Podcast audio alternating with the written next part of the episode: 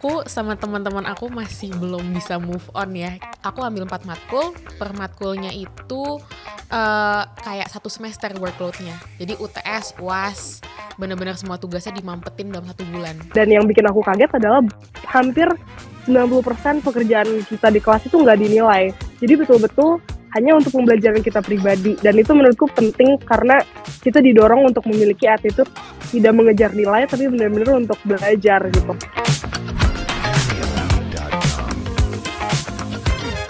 Halo kawan UGM. Halo kawan UGM. Kita jumpa lagi di UGM Podcast. Yes, kali ini kita mau bahas apa ini Mbak Astri? Di episode kita kali ini kita akan dengerin cerita dari teman-teman kita yang alumni awardee ISMA. Ya, kabarnya tidak hanya alumni aja nih Mbak Astri. Ternyata ada mahasiswa juga yang mau kita wawancari hari ini dan kabarnya masih melakukan atau masih menjalani program ISMA. Betul. Jadi narsum kita hari ini ada dua ya Dit ya. Yes. Yang sudah hadir di studio kita itu adalah yang udah selesai, ya kan betul? Yang katanya baru pulang dari Amerika itu bulan Agustus tahun ini. Yes. Dan yang satu lagi masih ada di Eropa. Eropa, tepatnya di Oke. Skotlandia kayaknya ini ya. Nanti kita akan ngobrol-ngobrol juga sama yang ikut mungkin via daring gitu ya. Betul. Dan sekarang kayaknya langsung aja deh kita sapa sama teman kita yang udah ada di studio kita kali ini. Dia adalah Hana Nadira. Betul. Hai Hana. Hai Mbak, hai Mas. Gimana? Ini Gak apa-apa. di sini kan? Iya Ya, udah betul. Ini aku panggilnya siapa? Hana. Eh, Hana, iya. Oke. Hana Nadira Kusumawardani panggil Hana aja. Hana. Hana dari prodi Eh, manajemen dan kebijakan publik. Oke. Visipol berarti ya. Yes. Angkatan? Angkatan 21. Oke. Hana, kemarin kan eh, berarti kamu udah selesai kan? Karena Mm-mm. J- Agustus kemarin kamu udah balik. Eh, biasanya kan kalau orang habis tinggal di luar negeri gitu ya atau habis dari luar negeri itu eh, belum bisa move on. Kamu gimana nih kemarin? Sama mungkin bisa cerita nih ke mana? eh, kemarin kan kamu ikut ISMA di Di Yale University. Oke. Yale University. Yuk cerita yuk. Oke, jadi tuh sebenarnya aku sama teman-teman aku masih belum bisa move on ya. Kayak kita masih sering ngepost di Instagram walaupun ya emang udah nggak di situ. Dan uh, I feel like emang experience yang aku dapetin di Yale University ini kayak bener-bener apa ya aku sampai gak nyangka aku bisa jadi awardee di Yale University Mhm. sih makanya emang bener-bener kayaknya gamunnya sampai tahun depan kayaknya Iya tapi ya siapa sih ya yang nggak seseneng itu ya Iya, kan? eh tapi penasaran deh, kenapa milihnya Yale University? Apakah memang di sana tiga top university di dunia atau memang jatahnya kamu di sana, jodohnya misalnya? atau memang kamu pengen ketemu artis-artis Marvel misalnya di sana? Terus eh, kemarin berapa lama juga sih Iya, di ah, sana benar, gitu? benar. Oh, Oke oke. Kebetulan gak ada artis sih mas. Ini lagi seliweran di situ. Cuma uh, aku pilih Yale tuh karena emang dia itu Ivy League University. Hmm. Nah aku tuh pengen tahu experience-nya gimana sih kayak belajar di Ivy League University. Karena uh, kalau kita lihat dari ranking sendiri kan UGM aja yang top 3 itu 200 ranking 239. Nah Yale itu tuh ranking 18. Nah, aku tuh pengen kayak bener-bener experience gimana sih belajarnya kayak di sana tuh bedanya apa. Terus habis tuh eh, berangkatnya juga semester 4 dan aku tuh nggak mau kayak eh, apa namanya? Ibaratnya mau tahu semester 5 aku karena aku masih wat- matkul wajib juga dan semester 6 juga aku masih mau magang. Jadi kayak ya udahlah, nggak apa-apa capek-capek di semester 4 eh, pilih Yale gitu. Itu pilihan pertama aku sih Mas gitu. Hmm, berapa lama kemarin waktu di Dua Yale? setengah bulan. Oh Dua gitu. Uh-uh. Oh cukup ini ya singkat dan padat pasti. Iya banget karena aku double sama eh, ujian-ujian di UGM. Jadi ibaratnya kayak week ke-12 aku udah pergi nih ke apa namanya Yale University gitu Mm-mm. dan aku ambil empat matkul. Per matkulnya itu eh kayak satu semester workloadnya. Jadi UTS, UAS, bener-bener semua tugasnya dimampetin dalam satu bulan. Berarti dari di di satu semester itu harusnya satu semester dimampetin di dua setengah bulan itu. Mm-mm, betul. Termasuk gitu. UAS juga. Termasuk UAS. Kamu ngambil apa aja kemarin di sana? Matkul apa aja? matkul aku kan coba boleh ngambil empat ya mbak kalau bisa ambil 10 aku ambil 10 Em, sebenarnya aku ambil yang pertama itu di bulan pertama pokoknya per bulan itu maksimal jatahnya ambil dua matkul karena kalau tiga matkul juga keteteran kan. Yang pertama itu global health ethnography. Jadi itu kayak lebih belajar mengenai eh, apa ya anthropology gitu-gitu sama public health. Nah jadi itu sistem belajarnya bener-bener aku per pertemuan tuh harus baca reading satu buku bener-bener satu buku full. Dan itu tiap Senin dan Rabu. Jadi emang agak hektik sih Mm-mm. Em, salah satu topik yang aku suka di situ aku belajar tentang eh, apa ya perspektif veteran-veteran eh, perang dari US yang terjun ke Afghanistan sama Irak kayak Hmm. aku belajar kayak mereka tuh bener-bener apa ya mengalami PTSD gitu loh dan kayak I think pemerintah tuh harus care sama mental health Iya. veteran-veteran ini gitu sih. Jadi kayak aku bener-bener belajar samping yang aku nggak bisa bela- belajarin di Indo gitu. Dan mungkin kamu nggak akan dapetin juga di kuliah ya, Iya, materi-materi semacam itu ya. Nggak bakal sih, karena itu materinya benar-benar unik banget. Dan satu matkul lagi yang aku ambil di bulan Juli, eh di bulan Mei ke Juni itu satu lagi namanya History of Racism in Science, Medicine, and the University. Itu public health juga, cuma lebih ngebahas tentang scientific racism di Amerika. Gitu sih. Oke. Eh. Ya? Oke oke. Tapi selain Hana, ini kan masih ada mahasiswa. Oke ya ya. Terus kayaknya terus. kita nyapa mahasiswa dulu deh. Ini kayaknya udah gabung Oh sama ya kayak kita. bilang tadi ya, kalau hari Iya. ini sebenarnya narsum podcast kita tuh ada dua, tapi yang satu udah ada di studio kita, yang satu masih ada di Scotland. Yes, Bener karena kayaknya masih belum selesai program Ismanya ini kita sudah bergabung di sini. Namanya cantik kayak klub bola Jerman nih kayaknya. Asik. Ada Schalke di Skotlandia, betul nggak? Halo Schalke. Halo Schalke. Dengar kita di studio Humas. Hai Mas, hai Mbak. Halo. Hai Hana. Hai Kak. Schalke di sana jam berapa sekarang? Sekarang jam 9. 9 pagi. 9 pagi. Di sini jam 3 sore. Berarti selisihnya Betul. 8 jaman Beda kali enam ya. jam. Oke. Oke. Ini kamu lagi di mana? Kenapa Mbak? Kamu lagi di mana sekarang? Oh aku sekarang lagi di kampus. Oh lagi di kampus. Di main kampusnya. Iya. Oke. Eh aku pengen lihat seputaran kampusmu tuh kayak gimana sih kalau Iya dong, boleh nggak? di Scotland tuh. Eh kamu di universitas apa? Boleh disampaikan nggak? Eh, aku sekarang lagi di um, University of Glasgow di Skotlandia. Jadi kampusnya tuh kayak super Harry Potter. Iya, banget cakep sih. banget Schalke. Iya kan? Iya. In- Ini barat di UGM tuh di Balerung Tengah kali ya? Iya mirip-mirip lah. Gedung rektorat kali ya. Iya. iya. Schalke, di sana lagi berapa derajat nih suhunya? Nggak. Jujur hari itu cukup dingin. Oh iya. Sekitar 3, 3 sampai 4 derajat gitu. Oh gitu. Nggak bawa jaket. Ah, makanya aku nanya, kayaknya Iya. kok kamu kayak nggak pakai jaket tebel gitu. Ya udah yuk. Schalke, Eh, kita iya. mungkin sekarang mulai bisa ngobrol-ngobrol ya. Ya, sama pertanyaan mungkin sama Hana tadi. Eh, kenapa kamu milih eh, University of Glasgow di Skotlandia? Apa alasannya? Oke, Em, sebenarnya alasan utamanya adalah eh, jadi aku jurusan ilmu ekonomi dan salah satu alumni paling terkenal di University of Glasgow itu Adam Smith. Jadi teman-teman yang mungkin belum dikenal sama beliau, beliau adalah penemu dari eh, ekonomi modern, founding father of modern economics gitu ya. Em, dan itu such a role model bagi kami sebagai anak ekonomi gitu. Jadi kayak wah terus kampusnya juga cantik banget Glasgow Skotlandia tuh negara yang cantik banget jadi kayak here I am gitu Ih, kamu berapa lama sih Schalke di si- di sana? tiga bulan Oh, Ini udah jalan berapa bulan? Oh dari bulan Desember. ini udah satu bulan Oh, udah satu bulan. Kamu ambil berapa mata kuliah Schalke? aku ambil empat jadi um, principles of management samalah sama kayak di FEB terus um, aku ngambil youth policy namanya soal kebijakan untuk anak muda terus aku ngambil education ada course tentang pendidikan gitu sama aku ngambil introduction to Scottish culture jadi kita belajar tentang budaya um, orang-orang Scotland Scotland dan kayak sejarahnya Scotland Wow, menarik ya. Iya menarik. Ini aku kayaknya nggak asing sama Schalke deh. Kayaknya Mapres FEB bukan sih Schalke tuh? Hehehe, Apalagi sekarang di Betul. Scotland. Nih luar biasa ini luar biasa Oke. Schalke. Eh, aku mau nanya nih sama kamu. Dari sekian banyak program kampus Merdeka, kenapa kamu milih program ISMA ini? Yang menarik dari program ini tuh apa sih buat kamu? Hmm, untuk aku pribadi sih sebenarnya ini sangat kesempatan yang berharga banget untuk aku mencapai cita-cita aku sih. Jadi em, mungkin aku cerita dikit bahwa kayak sebenarnya cita-cita aku itu untuk menjadi pembuat kebijakan di Indonesia khususnya di dunia pendidikan gitu.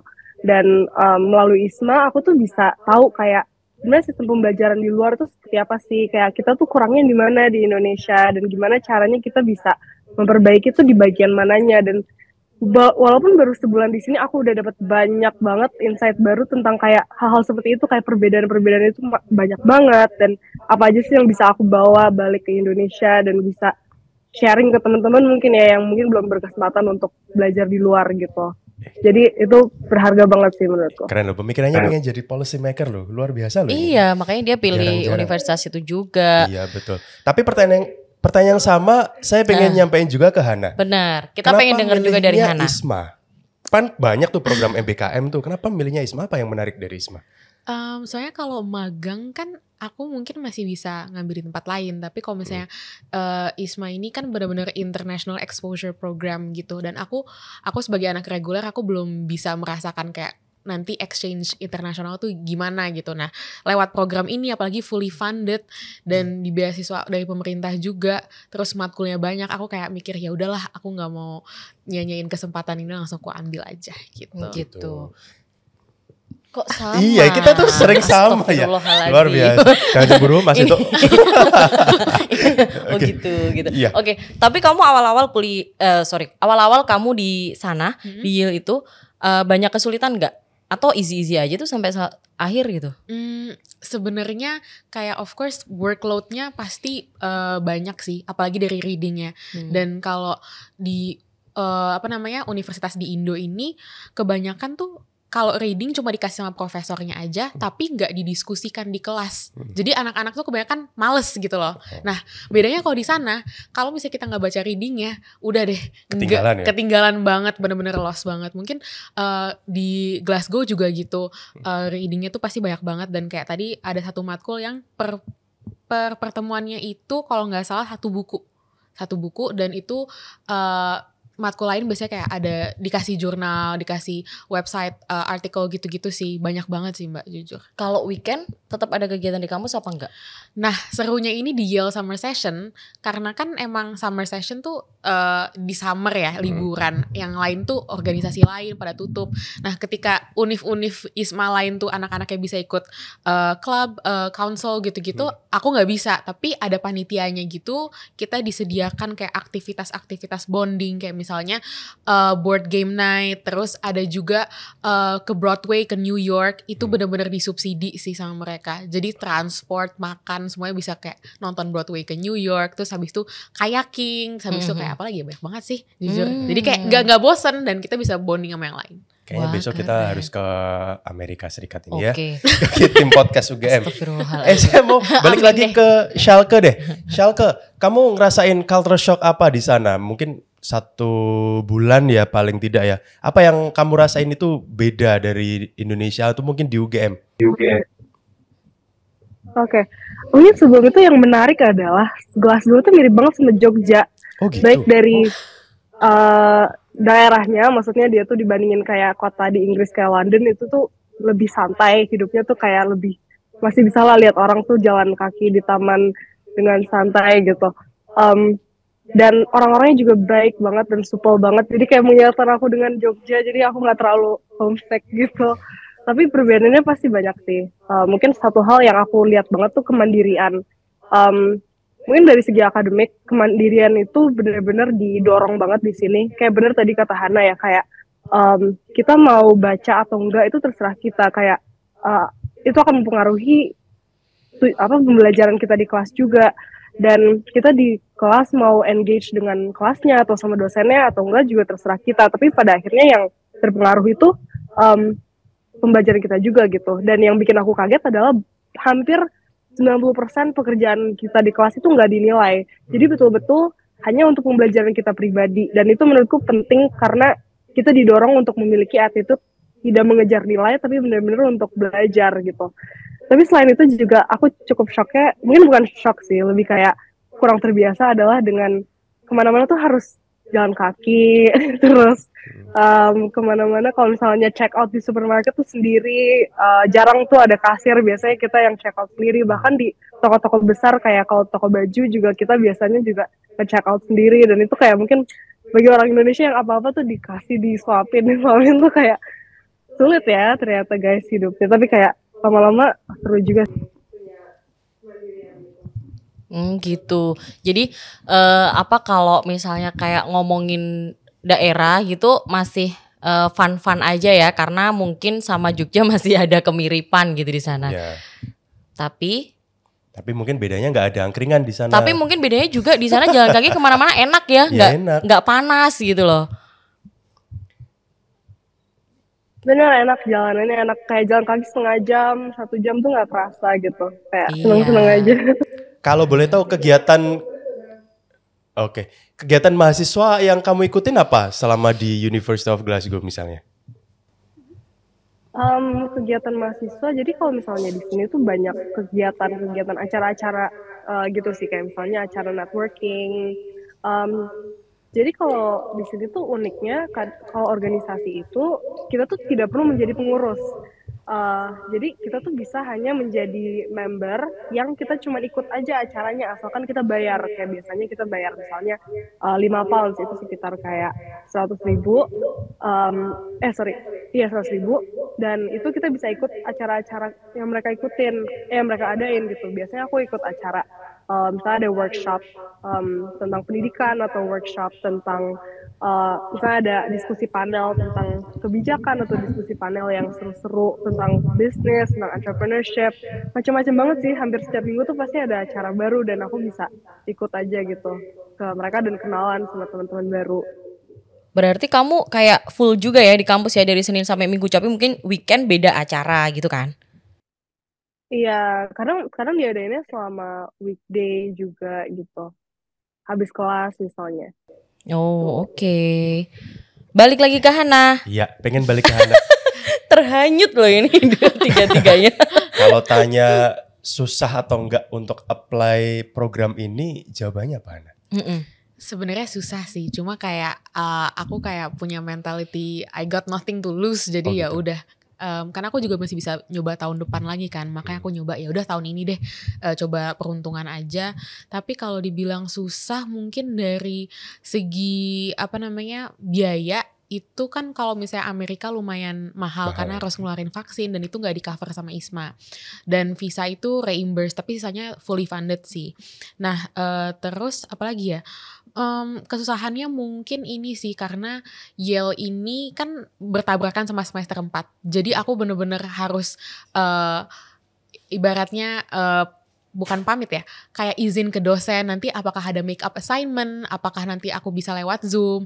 Dan kebanyakan mungkin make up assignment sih aku berharapnya memang zoom eh, Hmm. biar nggak memberatkan juga. Nah tapi um, they're also very accommodating juga sih dosen-dosen di MKP UGM dan eh, aku cukup disupport terus em, mungkin susahnya adalah eh, milih matkul yang nanti bisa dikonversi Oh, oke. itu itu emang Benar. agak susahnya di situ Em, selain itu kayaknya untuk persiapan ISMA lebih kayak em, aku nggak begitu susah karena mas, eh, masalahnya tuh kayak aku dibantu sama teman-teman aku juga terus kayak ada teman-teman seperjuangan juga lah yang ikut daftar jadi kayak nggak kerasa susahnya sih Hmm, keren.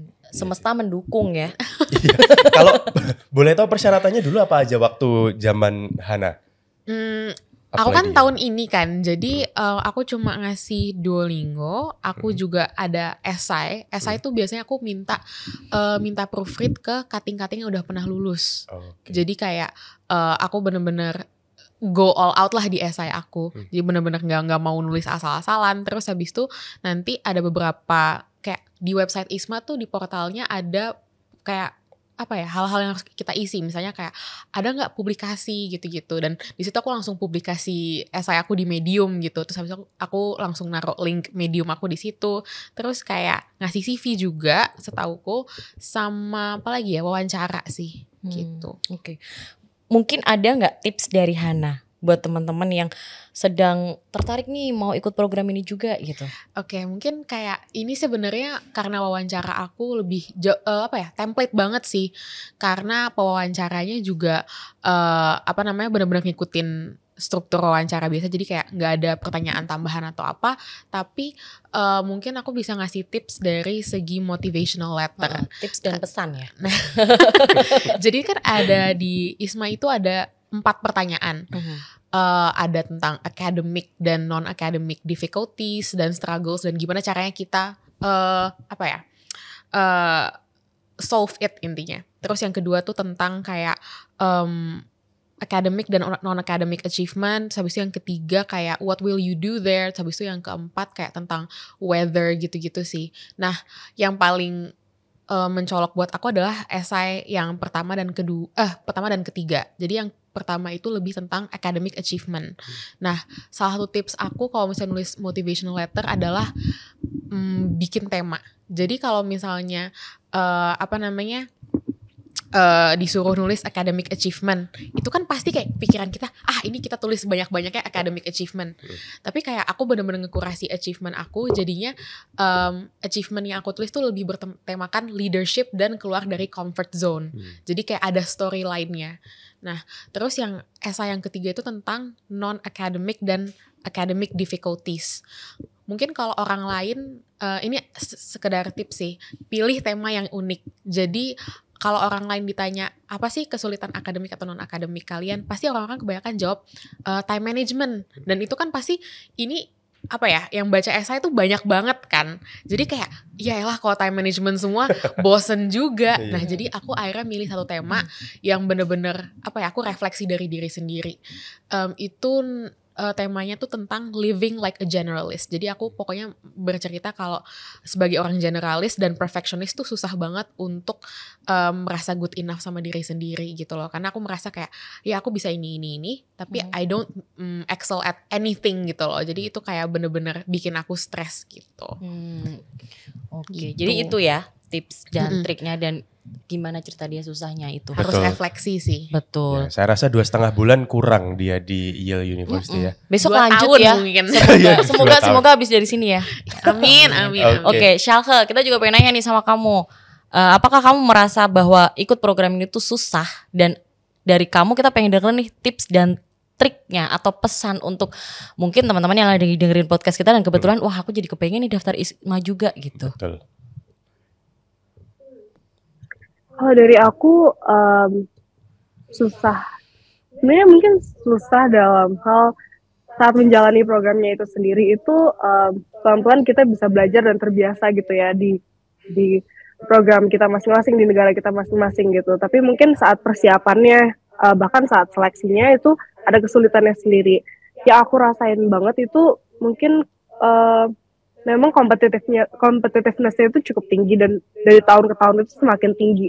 Um, dari tahun pertama misalnya yang daftar itu baru seribu sampai yang tahun tahun lalu yang daftar tuh hampir tujuh ribu mahasiswa dan akhirnya yang diterima tuh cuma dua ribu mahasiswa dan itu kompetitifnya kompetitifnya super tinggi gitu kan.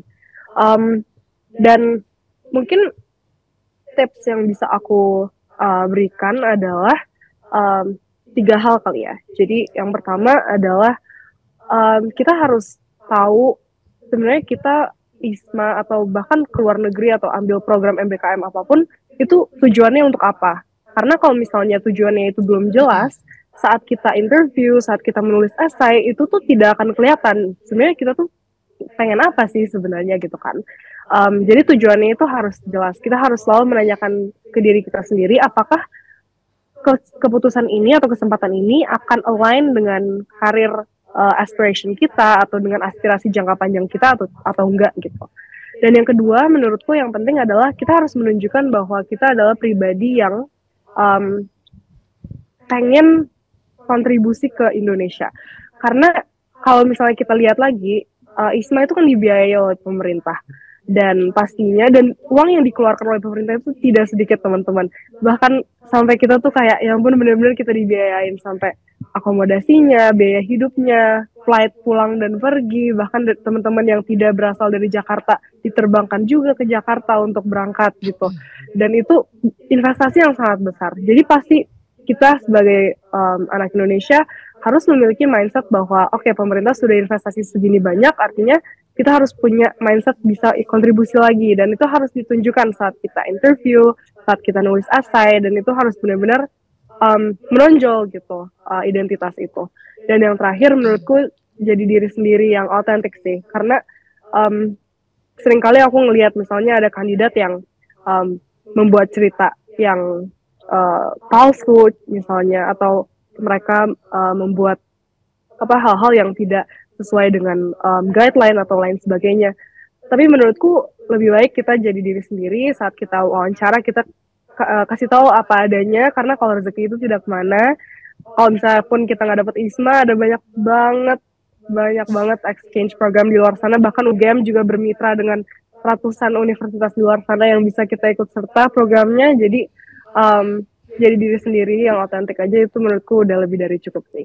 Oke, Wow. keren banget sih emang. Iya. Ya. Kamu tap- ta- tapi, sorry, sorry. tapi boleh tahu nggak Schalke dari UGM berapa orang yang di Glasgow dan ikut program ISMA ini? Glasgow ada lima. Lima dari prodi berbeda atau prodi yang sama?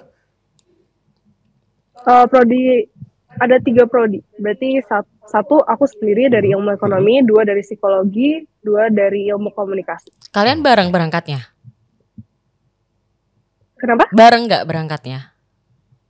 Iya, berangkatnya bareng 19 orang. Kita bareng kemarin tanggal 9 September. Oh gitu. Terus kalian ini nggak tinggalnya satu dorm gitu nggak? Apa beda-beda? Uh, satu apartemen. Jadi uh, bentuknya itu kayak flat. Uh, jadi flat itu tuh ada kayak apartemen gitu. Dan satu apartemen itu ada lima orang. Jadi kita sharing satu kamar mandi bergitu. Tapi Berarti sama- eh, besok- satu gedung yang sama. Oh gitu. Baliknya juga bareng kan berarti? Iya, nanti tanggal Wah seru, Iya, seru, seru banget sih. berapa ya? 17. Wow. Eh, kamu jadi ini nggak sih? Kepengen besok kuliah lagi nggak sih ke luar negeri? Pengen banget aku tuh bener-bener kayak ya ampun setelah ku- kuliah di sini rasanya pengen sekolah lagi kayak abis ini kayaknya pengen sekolah lagi Amin. Ya, semoga bisa lah ya. Satu-satu ya, selain selesaiin Iya. dulu ya Schalke. Hana juga. Iya, betul. Iya, selesai dulu di sini kita doain semoga lanjut lagi Betul. gitu. Schalke terima kasih ya. Salam buat Profesor Lupin di sana. Yang di film Netflix itu? Iya, yang di Harry Potter. Oh kirain. Sama kayak Harry Di Potter Netflix itu. juga ada Lupin. Tolong dikat ya ini karena kalau nggak penting Gak mohon usah, maaf. gak usah, gak usah dikasih. Iya, terima kasih Gitu, oke. Eh, ada pertanyaan lagi nggak? Kayaknya udah. sih, kayaknya seru sih. ikut Iya program seru ya. ISMA Bener. Jadi Nanti teman-teman mungkin kawan UGM yang belum tahu tentang ISMA mungkin bisa buka lamanya MBKM mungkin ya. Mhm. Jadi bisa tahu banyak informasi mengenai program ISMA ini. Iya, dan buat Hana, buat Schalke, aku doain semoga besok kalian selesai dari UGM bisa kuliah ke luar negeri lagi ya. Amin. Semoga studinya bisa begitu. lanjut lebih tinggi tinggi tinggi tinggi lagi gitu ya. Amin. Cita-cita kalian semuanya bisa terwujud gitu Dan ya. semoga Schalke eh, pulang ke Indonesia banyak bawa, bawa banyak ilmu, sehat, lancar semuanya. Asik. Udah kayak orang tua banget ya sih ngomong kayak gitu. Ini dekat aja ini nggak Oke. penting ya. ya udah, ya udahlah. Baik, terima kasih kawan UGM ini yang sudah uh, ikut serta menyaksikan dan juga mendengarkan podcast kita untuk edisi kali ini ya Mas Thank you juga ya buat Hana ya udah mau menyempatkan waktu datang ke sini. Buat Schalke juga terima kasih. Semoga hari ini kamu lancar deh harinya di sana kan masih pagi ya di sana. Iya, sip. Gitu, Mantap, oke. Schalke. Dan, kali kita bareng lagi gitu. Chemistry. Chemistry dan biasa. buat kalian semua yang dengerin podcast kita dan merasa bahwa podcast ini perlu untuk kalian share ke banyak orang, jangan lupa habis dengerin di share di berbagai macam platform media sosial kalian. Betul, dan tentunya itu yang membuat kita untuk bisa lebih semangat lagi membuat konten-konten yang luar biasa menariknya dan mengedukasi kalian semua. Betul. Dan Sampai sampai, jumpa jumpa di di- UGM Podcast berikutnya. Dadah. Bye 拜拜超哥。